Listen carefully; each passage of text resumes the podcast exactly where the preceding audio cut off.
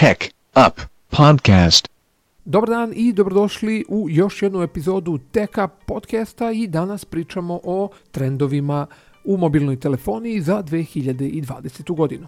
Pa ako se pitate hoće li 2020. godina biti ona u kojoj ćemo vidjeti neku revoluciju u mobilnoj telefoniji, kratak odgovor bi bio i da i ne. Ali krenimo redom. Svakako trend koji će obeležiti godinu pred nama je 5G mreža. Nova tehnologija prenosa podataka se implementira kod svih velikih operatera širom sveta, a tehnologije koje zahtevaju brz prenos informacija svakako će napredovati sa novom 5G mrežom. Podrazumeva se naravno kako biste koristili ovu novu tehnologiju da će vam trebati i novi mobilni telefoni koji podržavaju 5G mreže, a oni bar za sada i u početku neće biti jeftini. Drugi trend koji nas takođe očekuje u ovoj godini su savitljivi mobilni telefoni.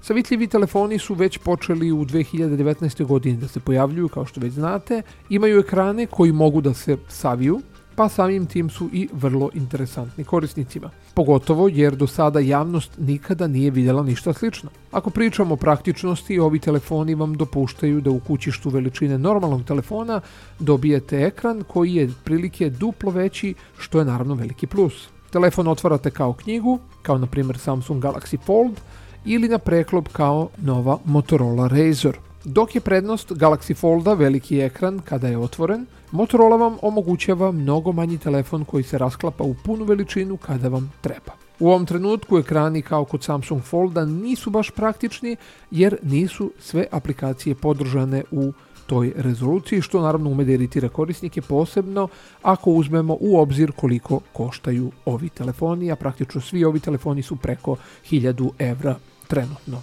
Dolazimo i do trećeg trenda koji će svakako biti još više unapređen u ovoj 2020. godini, a to su ekrani, odnosno brži i bolji ekrani. Kada pominjemo ekrane, to se najpre odnosi na refresh rate, odnosno brzinu osvežavanja ekrana. Kod više proizvođača poput OnePlusa ili Googlea sa Pixel serijom, 2019. godine smo imali priliku da vidimo uređaje koji imaju ekrane veće brzine osvežavanja. Radi se o frekvenciji od po 75 Hz pa čak do 120 Hz. Ovo je jedna od stvari koje jednostavno morate uživo videti da biste shvatili prednost ovakvog ekrana. Ali sam uveren da će ovaj trend biti jedan od onih koji ćemo sve više videti na telefonima u 2020. godini. Bolji refresh rate jednostavno čini iskustvo korišćenja telefona boljim, a korisnik zaista primećuje kako su aplikacije i animacije na ekranu bolje i brže. Četvrta stavka, odnosno četvrti trend koji je također već počeo u 2019. godini, a to su naprednije kamere. Ako ćemo iskreno, danas je prilično lako napraviti dobru fotografiju mobilnim telefonom.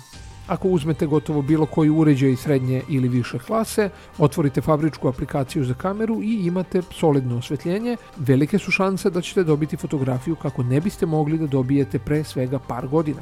Praktično svi proizvođači telefona u svoje uređaje danas implementiraju više kamera sa dosta megapiksela, a neki modeli danas imaju fotografske opcije kao da su napravljeni samo za slikanje. Svakako će i u 2020. godini taj trend nastaviti u tom smeru. Vodeći u tom segmentu su naravno Apple i Samsung, ali tu su i Huawei, Xiaomi, Google sa Pixel serijom kao i OnePlus. Naravno, svi će oni u 2020. godini unaprediti ne samo hardware kamere, već i software koji procesuira fotografije, a koji je, kada je reč o ovako malim senzorima, stvar koja definitivno čini veliku razliku.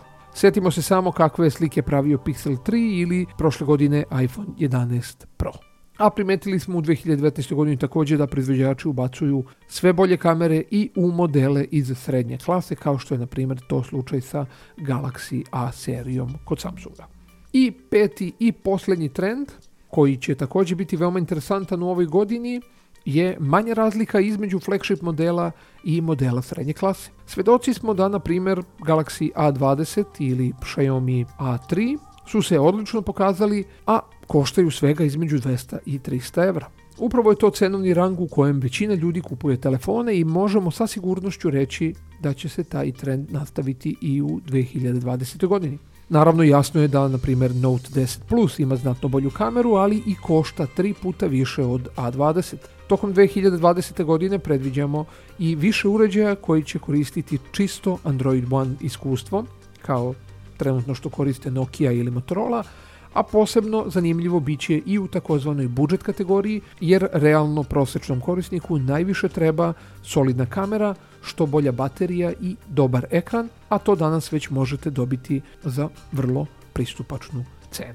Eto, ukratko, to je pet trendova koje ćemo pratiti naravno kroz 2020. godinu. To bi bilo sve za danas. Vi naravno kao i uvek Ostanite uz TechUp Podcast. Veliki pozdrav!